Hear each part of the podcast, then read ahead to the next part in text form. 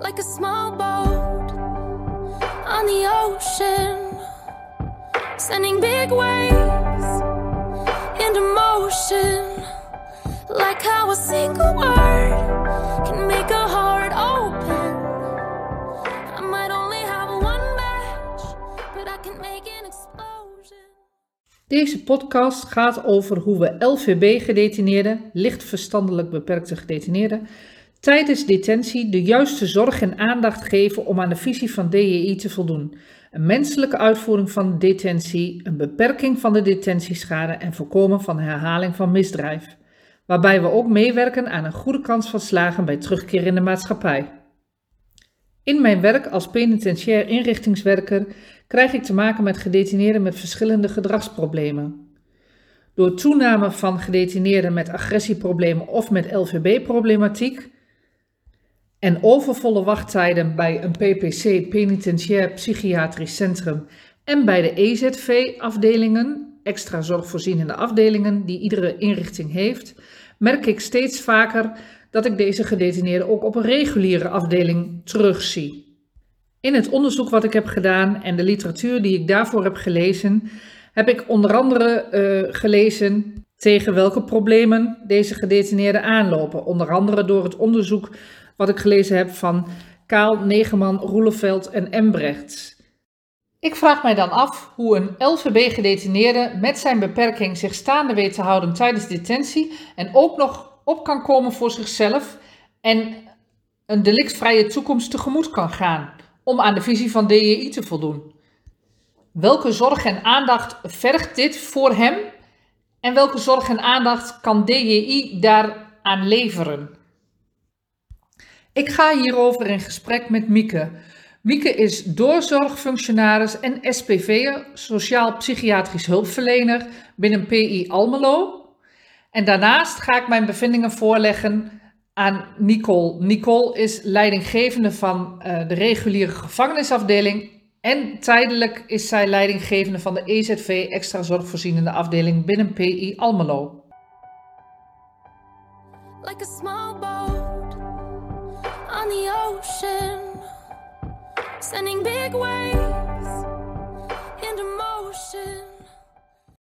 Mieke, kun jij even kort aangeven uh, wat jouw werk binnen PI Almelo inhoudt? Ik ben, uh, ik ben Mieke, ik ben Mieke Grootdonk. Uh, ik ben een, uh, een SPV, een sociaal-psychiatrisch verpleegkundige.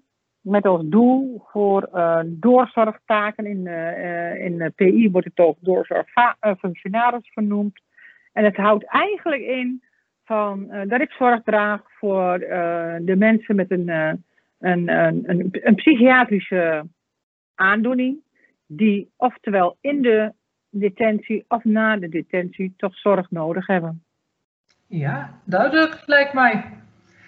En uh, Mieke, als we het dan, dan hebben over uh, het onderwerp van deze podcast, uh, zorg en aandacht aan LVB-gedetineerden, hoe zie jij dan het leven in de gevangenis voor een LVB'er voor je? LVB is erg breed. Hoe ik het huidige detentieklimaat zie voor een LVB'er, dat is lastig. Kijk, van de ene LVB'er die kan zich net aan redden op een reguliere afdeling. En dat wil zeggen op een afdeling waar dus eigenlijk iedereen terechtkomt komt als ze zijn afgestraft. Ja. Maar er zijn ook mensen met een, een, een, een LVB die toch ook een ja, dubbeldiagnostiek hebben, of trippeldiagnostiek van uh, die enige persoonlijkheidsstoornis hebben of een verslaving. Nou, die, voor die mensen is het zeer, zeer moeilijk om zich staande te houden op een reguliere afdeling. En, en waar zou je deze LVB'ers met die uh, trippeldiagnostiek of, of dubbeldiagnostiek, waar zou je die dan het best kunnen plaatsen, uh, is jouw mening? Kijk, op zich zou, je, zou ik ze altijd graag een beetje in, in, in, in de luwte willen hebben. Uh, kijk, de detentie kent niet zo heel veel smaken. En dan hebben we een EZV, een extra ja. zorgafdeling. Ja. Of we hebben een, een, een, een, een PPC, dus een psychiatrische en een penitentiaire inrichting. En dat is op zich wel lastig, want, want die laatste is ook echt als je dan zegt van, je gaat echt met de ziektes mee. Van als, er dan een, als je een LVB hebt, je bijvoorbeeld ook nog een psychiatrische aandoening is van, van een psychose of, of een, een, een ontwenning. Maar um, ehm, ik zou eigenlijk ervoor willen eh, kiezen en gaan voor toch heel veel LVB'ers om daar een soort van IZV-afdeling te hebben. Ja, ja. En, en hoe zichtbaar is een LVB'er in detentie voor jou als SPV'er? Nou, dat is, dat is eigenlijk om al mee te beginnen. ehm, een, ehm, een LVB'er, die eh, zie je dus niet aan het uiterlijk dat je te maken hebt met een LVB'er. Me- De meeste de mensen die eh, een eh, LVB hebben, die zijn ook voor hun achttiende gediagnosticeerd. Maar aangezien wij met een, toch een doelgroep werken, die al heel vroeg al drop-outs waren, of niet naar school gingen, of ja, toch, toch, ook heel veel dingen door de maat van hun net zijn gegaan, dat ze eigenlijk geen diagnose hebben gehad. ja. En dan krijgen we het probleem dat ze zich heel goed aan weten te passen. ja. Ze zijn vaak streetwise. En ze worden dus aangezien van, van, nou ja, als hun gelijken. Dus de hulpverleners, wij dus, ja. of leerkrachten vroeger, of, of, of, eh, of, of, of de PIW'ers, of zelfs ik, spreken die mensen dus aan op een hoger niveau van kennis en van vaardigheden, dan dat ze eigenlijk aankunnen. ja. En dan zie je ook heel erg van. Je ziet ook heel vaak van dat wij zeggen. Ik zeg het ook, ik betrap me erop op en het is echt fout. Dat je zegt van, goh, ik heb die gesproken, nou, die is ongeveer gemiddeld intelligent, misschien er iets onder. Lastig. Ja. Lastig. Ja. Want ook dan eh, loopt de gedetineerde of die cliënt eh, structureel de kans dat hij overvraagd wordt. En met die overvraging, want dat vind ik dus een groot probleem, zowel maatschappelijk ook als in detentie, want dat gebeurt op, nou ja, op cognitief niveau, op emotioneel niveau en sociaal gebied. Ja. Ik heb onderzoek gedaan naar screenen van LVB-gedetineerden. En onder andere eh, een evaluatiepilot van Hendrien Kaal uit 2013 gelezen. In dat rapport worden de resultaten beschreven van een pilot naar implementatie van screenen naar LVB in het gevangeniswezen. Een heel groot aantal van de respondenten die zegt meerwaarde te zien in screenen. En ze zeggen dan dat die meerwaarde zit in, eh, op gebieden als bejegening van gedetineerden, het duiden van gedrag en eh, het afstemmen van het dagprogramma. Naar aanleiding van dit onderzoek wat ik gedaan heb, is mijn visie, je zou screenen kunnen zien als bevestigen van vermoeden. Maar toch vraag ik mij af wat je met die uitkomst kunt, want je gaat mensen in hokjes plaatsen en moet je, moet je dat willen? Ook vraag ik mij af of die uitslag dan betrouwbaar is. Want zoals jij ook al zegt, eh, er zijn gedetineerden die behoorlijk streetwise zijn. En er zijn ook gedetineerden die voor de eerste keer in detentie komen. En die zijn dan heel gestrest. Ik vraag mij af hoe jij aankijkt tegen screenen van LVB-gedetineerden voorafgaand aan detentie. Nou, ik ben eigenlijk van mening van, ehm, dat je altijd probeert naast de mensen te staan en naast de mensen te lopen. En het gevoel eh, eh, geven dat ze toch ook een stukje eigen regie houden over hun leven. En ook dat vind ik dus een stukje eigen regie. Als mensen niet gemotiveerd zijn, want hoe wil je dat brengen? Ja. Van als iemand helemaal onberedderd binnenkomt en dat je zegt, ja, maar weer ga je ook testen, kijken of je alles aan kunt. Uiteindelijk zeg je van, of je minder intelligent bent, van hoe laat je ze dan binnenkomen? Ben ik helemaal geen voorstander van. Nee. Ik ben er voorstander ervan als je dus al echt in het behandelcontact bent. Hè, je, hebt, je voelt dat je een, een, een, een- een contact hebt met degene. Dat je zegt van, goh, maar wat vind je ervan? Dat we je laten testen van waar nou het eigenlijk die valkuil zit. Hè, van, ehm, is het het snappen van de, van de borden onderweg? Of eh, is het begrijpen hoe iets, iemand anders het bedoelt? Want daar ga je iedere keer de mist mee in. Kijk, en Ja. dan kan zo'n persoon zelf ook zeggen, ja, mi- misschien is het wel beter, want misschien kan ik... Kijk, en dan bied je hulp. Maar Ja. obstructieloos. Kijk, we kunnen zelfs wel zeggen, we gaan alle personeel gaan, kunnen we gaan testen op IQ. Ja, Ja. Wat, wat voor doel wil je halen? Kijk, er zijn veel meer dingen nodig bij het IQ van, ehm, van wa- wat je dan nog kunt. Ja, het, want- het cognitieve, het emotionele of, of een sociaal gebied. Kijk, sommigen kunnen nog wel best nog een redelijk IQ hebben, dat ze nog, wel- nog redelijk meekomen met lezen en schrijven, maar dat ze sociaal zo onhandig zijn dat het helemaal niet lukt. Of dat ze heel erg veel impulsen hebben. Dus ik, ik denk, en, door de over, door, door, en doordat hun draaglast vaak groter is dan hun kracht, dan schieten ze ook vaak uit de bocht. Dus je zegt eigenlijk ook van eh, gedrag is daarin heel, heel belangrijk, heus niet alleen IQ. Nee, ja, Ja. nee, het is relevant aan het IQ. Ja, oké, ja. Zijn er naast dan, dan het, het begrijpen, het overvragen, wat vaak gebeurt, zijn er dan nog andere dingen die jij als SPV herkent of waarvan je zegt van, en die onderkend worden? Is er daar dingen aan? Ehm, ehm, een, een, LVB'er snapt heel vaak de regels niet goed genoeg. En ehm, bijvoorbeeld uh, dat ze maar een bepaald aantal handdoeken op cel mogen. Ik bedoel, als je er maar vier mag en je hebt de vijfde. Nou, dat kan toch, om die andere nat was. Ja, en ze begrijpen dan niet wat voor consequenties dat dan heeft. Hun kunnen niet de, uh, de consequentie overzien dat ze dan op het rapport gaan en, en zullen dat beschouwen als gemeen of als pesten. Ja, en, en welke, in welke rol speel jij als SPV'er uh, voor een LVB-gedetineerde? Het ligt eraan tot op het moment dat ik erbij geroepen word. Het is meestal, ik kom het in met de LVB'ers in aanraking waarvan of het personeel zegt we kunnen hier niks mee, of is angstig, ze trekken zich terug, of ze zijn boos of onrustig. Ja, er zijn een aantal signalen die dan toch wel uh, boven het maaiveld uitsteken. Dat je zegt van, goh, kunnen jullie eens mee gaan kijken? En dan is het de vraag van, waar, van waaruit komt dit? Kijk, van, heel vaak heeft er een, een LVB'er, en dan komen we ook weer bij jouw uh, screening uit, die hebben geen inzicht in hun beperking. Van, ze doen alles vanuit hunzelf en ze denken dat iedereen dat doet. Of ze hebben faalangst, of, of, of ze frustreren zich. Ja. ja weet je, en, um, en, en die gaan daar toch anders mee om in de diepgang als mensen die dat kunnen beredeneren. Van, um, zoals een, een, een andere gedetineerde die bijvoorbeeld uh, wat slimmer is, of voor boekhoudfraude, die zegt van, goh, ik mis mijn vrouw en mijn kinderen heel erg, maar goed, ik heb ze alweer gebeld. Een LVB kan heel veel dingen niet overzien. Nee, en dan zie jij dus inderdaad de LVB'er op het moment dat hij eigenlijk, op zijn zacht gezegd, op zijn slechtst wil ik niet zeggen, maar in ieder geval in een nare situatie en dan kom jij ermee in aanraking. Ja. Ik ben natuurlijk ook in gesprek geweest met personeel en ik heb daar ook literatuur over gelezen, um, waaronder uh, literatuur van uh, Inspectie Justitie en Veiligheid uit 2018. Uh, dit is een onderzoek onder personeel van zes inrichtingen in het gevangeniswezen in Nederland naar de kwaliteit van hun taakuitvoering. En uh, hierin zeggen ze ook dat personeel wat in de gevangenis werkt te maken krijgt met meer agressie, meer gedetineerden met LVB. Mijn vraag aan jou is dan, hoe belangrijk is het personeel voor de LVB-gedetineerden?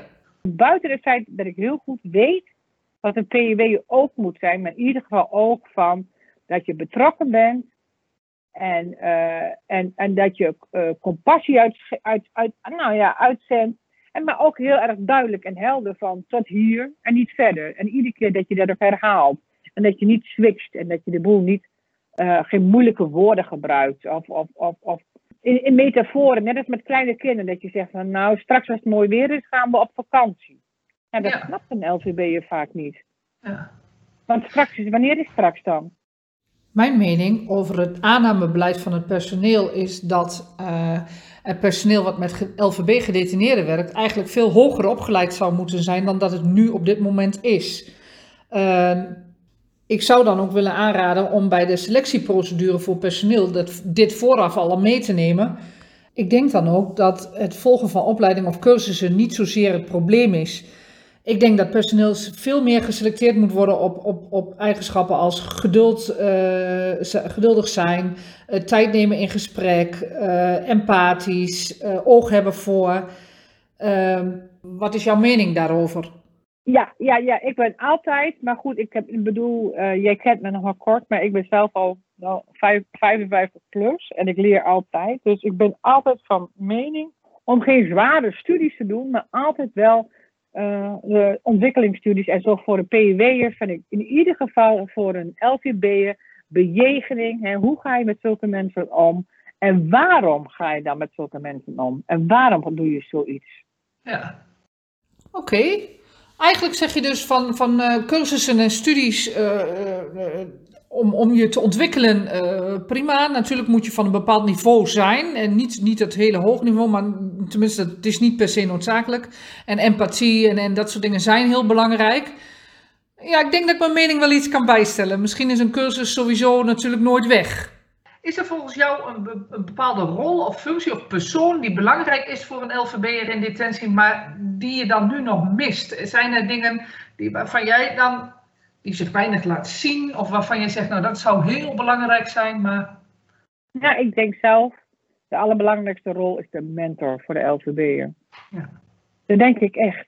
Ja. Nou, belangrijk, ik, ik, ik zie mijzelf meer als de helikopter. Van als het vastloopt, van goh, dan word ik erbij gehaald. En dan geef ik bijvoorbeeld of bejegeningsadviezen. Of doe nog zeg, een stukje zorg. Of um, dat ik uh, bijvoorbeeld als er nog wat psychiatrisch bij zit. Dat je dat stuk op de rail zet. Maar ik denk voor een, een LVB'er dat hij de veiligheid moet kunnen vinden in iemand van het personeel op de afdeling. Ja. Wat, voor de, wat ik van een vrouw als de eerste keer detentie gaat en ze zijn jong dan zullen ze zich echt uh, verloren voelen op een afdeling. Maar ze zullen het niet laten zien van dat we steeds meer van dit soort mensen in de gevangenis zien. En dat is gewoon kwalijk, van, want we moeten ze dus goed opvangen om ze weer goed te kunnen laten reïntegreren. Ja. Haken wij hier ook af, dan, wordt het, dan, dan, dan, dan, dan is het dubbel zo moeilijk om te starten of te reïntegreren in de maatschappij. Ja, Daar ben ik van overtuigd. Ja, en als ik dan daar nog weer op in mag haken. Eh, ik had ook een onderzoek gelezen, recht doen en kansen bieden. Dat is ook van het ministerie van Justitie, waarin ze de wet straffen en beschermen uh, uh, ja, uitleggen en de verandering die je door gaat maken. En uh, vervroegd in vrijheidstelling is nu nog een derde van je, van je detentie. Wat je vervroegd in vrijheid gesteld kan worden. Maar dat gaat naar maximaal twee jaar. En dan, daarbij gaat gedrag heel erg tellen. Ja. En uh, daarmee beoogt het ministerie van Justitie om het recidivecijfer heel erg terug te dringen. Maar als ik dat ga bekijken, want gedrag gaat tellen, en juist voor een LVB'er is dat gedrag zo moeilijk onder controle te houden, en zeker in de beginfase van detentie. Ik denk dat een LVB'er het dan juist met, de, juist met deze wijziging van de wet straffen en beschermen heel moeilijk gaat krijgen. Hoe zie jij dat voor je? Nou ja, ik denk dat je dus hier ook precies het probleem van de LTB wel schetst. Hè, met de moeite van het gedrag. Van als dus wij nog steeds meer uh, uh, goed kunnen uh, anticiperen wat een LVB'er is en hoe die zich presenteert. Als we dat eerder kunnen signaleren in de signaleerfunctie. Als een PJW'er, als een SPV'er in detentie. En we begrijpen ze beter, dan zul je dat gedrag zien verdwijnen. Als je zijn veiligheid Tuurlijk, het verdwijnt niet als sneeuw voor de zon. Kijk, van, um, maar goed, ook van, uh, de, vaak hebben ze um, uh, al vaak meerdere scholen gehad, zijn vaak wisselend van scholen en, en, en, en hebben vaak, zijn vaak blijven zitten en hebben vaak of geen vrienden of de verkeerde vrienden of heel sociaal. En als wij dat al weten, dan kun je toch al een hele andere benadering doen. Dat ze allemaal over één kam scheren van dat is een, een, een, een, een afdeling, een, een, een huis van bewaring met 60 mannen. En ze zijn allemaal gelijk, maar dat zijn ze dus niet. Ja, ja. ja ik denk dat ik met je eens ben. Ik, ik, ik weet in ieder geval um, um, dat er in justitieland, met name in detentie, er is een kentering bezig. Er wordt steeds meer erkend dat er steeds meer psychiatrie in detentieland zit. Maar met de erkenning hebben we nog niet meteen de professionalisering rond. Ja. Hoe zie ik het van. Um, Mieke, mag ik je heel hartelijk danken voor dit interview.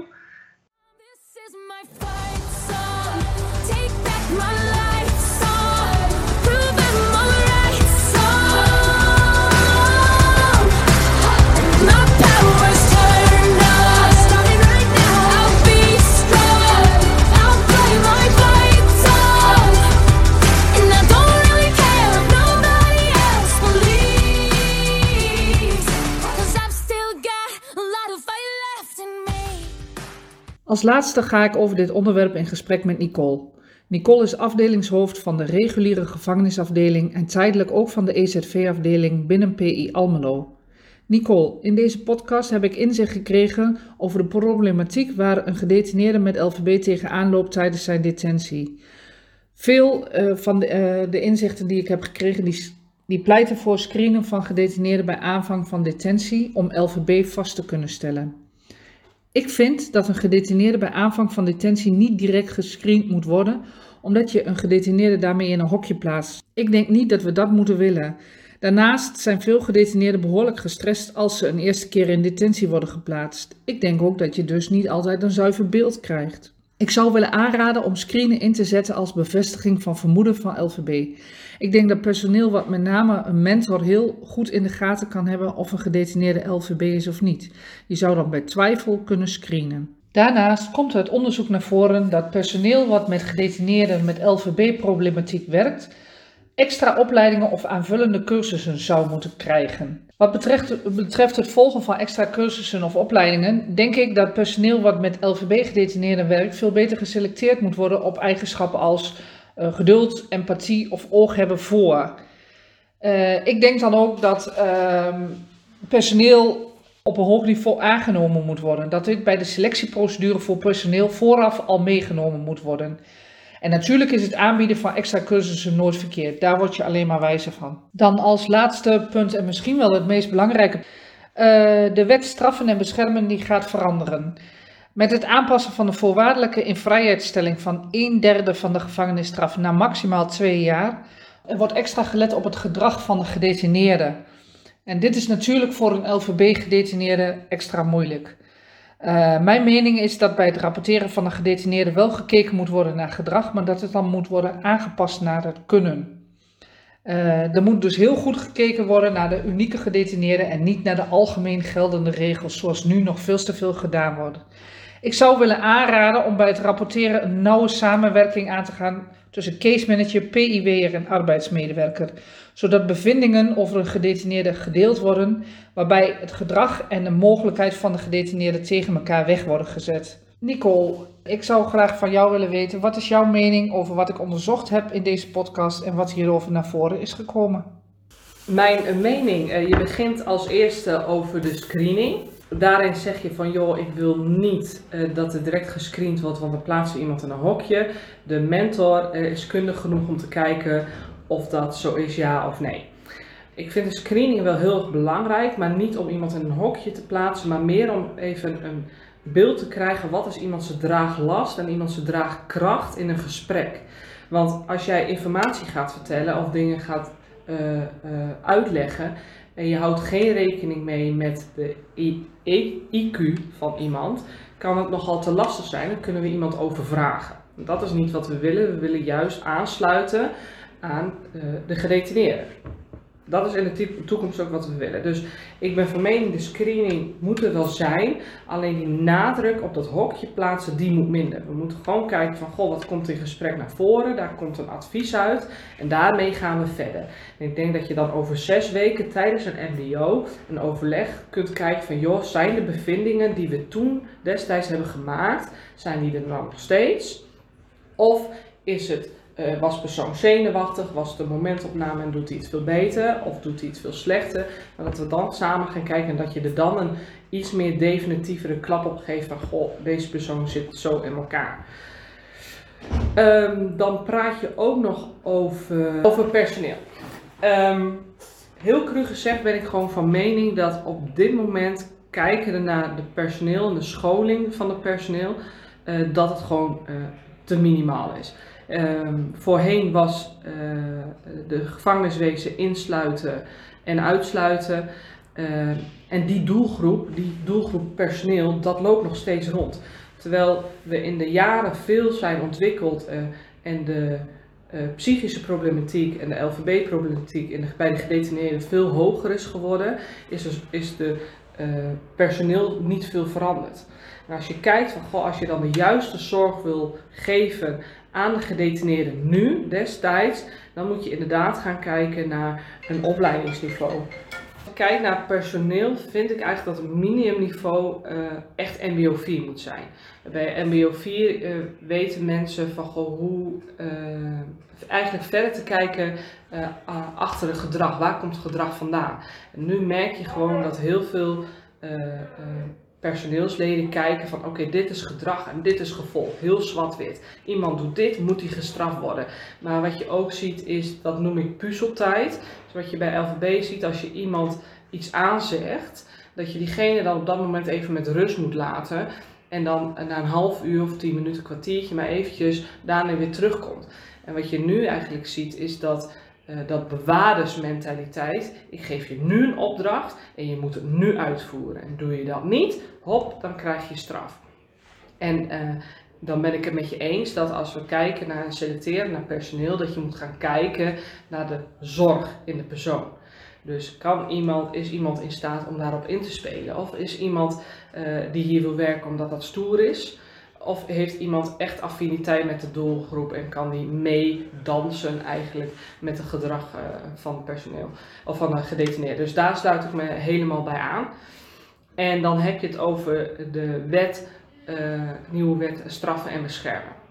Nou, de nieuwe wet, wet straffen en beschermen zegt eigenlijk, we kijken heel erg naar gedrag bij binnenkomst.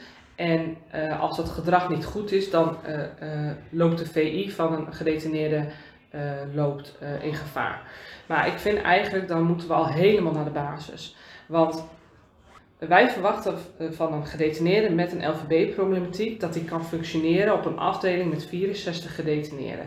Waar we dagelijks beroep op hem moeten doen, waarin je een strak schema heeft maar waar ook heel veel miscommunicatie is en waarbij iemand eigenlijk vrij snel moet schakelen. Te dealen heeft met alle gedetineerden op de afdeling, weinig privacy heeft en weinig redenen of mogelijkheden heeft om zich terug te trekken. Diegene, daar verwachten we van dat diegene ook nog naar zijn eigen problematieken kan kijken, dat hij uh, uh, daarmee aan de slag gaat. Dat hij in een meerpersoonscel zit, dat eigenlijk helemaal geen privacy heeft. En dan maar elke keer het geduld moet opbrengen om alles maar goed uit te praten en dat sommige dingen niet uit te praten zijn. Nou, weet je, dat vind ik één grote flop. De nieuwe wet straf en beschermen is een heel mooi concept. Helpende op een kleine afdeling waar mensen een enkel cel hebben, waar personeel zit die zorggerelateerd zijn, die kunnen inspelen op het gedrag, maar ook verder kunnen kijken van waar komt het gedrag vandaan op een kleine afdeling waar personeel alle tijd heeft om iemand eigenlijk hand in hand mee te nemen. En daar gaat het nu in de maatschappij eigenlijk heel erg mis. Dat is niet wat we kunnen. Het dagprogramma draaien, dat staat, is prioriteit nummer 1. En hoe dat gedaan wordt, maakt niet uit. Als mensen maar op tijd zijn bij de arbeid, als mensen maar dit doen en dat doen. En als dat niet lukt, dan worden ze gestraft daar loop ik als afdelingshoofd heel erg tegenaan. Maar goed, dit is iets wat Den Haag uh, heeft besloten, maar ook in moet zien dat wat ze willen een heel mooi concept is, maar dat de uitvoering daarvan heel veel in veranderd moet worden. Um, en uh, ja, iemand die heeft, uh, laat het bepaald ongewenst gedrag zien. Dan vind ik ook dat wij als afdeling, zowel de arbeid, het personeel, de voorzitter van de NDO, de afdelingshoofd en de directie moet kijken Oké, iemand heeft ongewenst gedrag laten zien. Waar komt dat uit voort? Kijk, als iemand een ander gedetineerde slaat, uh, dan is dat ongewenst. En als dat zo in het systeem staat, ja, dan vind ik, dan moet diegene gestraft worden.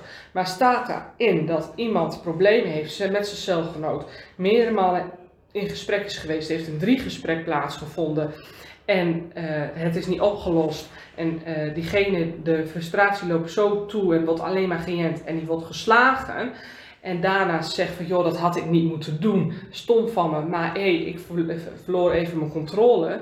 Dan vind ik dat dat veel minder gestraft moet worden dan daarbij iemand zegt van, ja, maar hij was vervelend bam en hij heeft het verdiend. En uh, dat is een stukje grijs gebied wat we helder moeten krijgen. En uh, nu zie je heel erg dat er zwart-wit gewerkt wordt.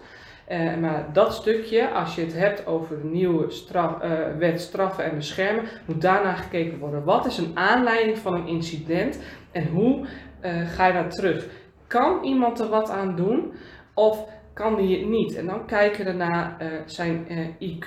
Weet iemand hoe die het op moet lossen en kan die het überhaupt ook oplossen? Is iemand verslaafd omdat hij te druk is in zijn hoofd? En niet goed afgesteld is op medicatie, uh, dat jarenlang heeft gedaan, kunnen we dan verwachten dat iemand zomaar de een op de andere dag binnen detentie clean blijft?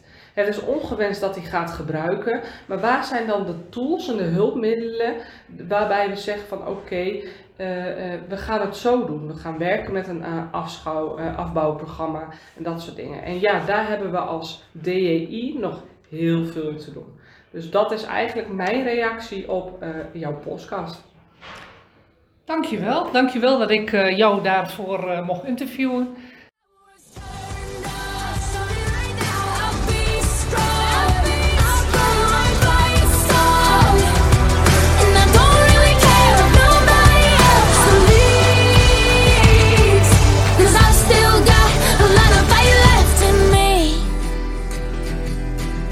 Still lot of fire left in me.